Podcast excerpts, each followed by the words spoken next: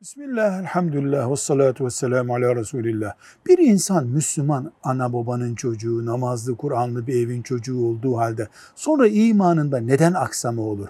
Bu süreç nasıl işler diye sorulursa deriz ki Allah'ı inkar, ona ortak koşma, ortamlarında bulunmak, kafirleri sakıncasız, zararsız zannedip belli noktalarda kafirlerin de haklı olduğunu düşünmek, hayat için İslam'ı, şeriatı, Resulullah sallallahu aleyhi ve sellemi, ashab-ı kiramı örnek olarak görmekten uzak, öyle insanların yanında olmak, Allah'ın sevdiğinden nefret, sevmediğine sempati beslemek, din, Kur'an, peygamber ile alay etmek, alay edenlerle bir arada bulunmak, sihir, büyü ve benzeri lanetli işlerle uğraşmak ve kabirsiz bir dünya, mezarı olmayan bir dünya hayali içinde olmak, zamanla mümin olduğun halde imanın dışına taşmayı hazırlayan nedenlerdendir.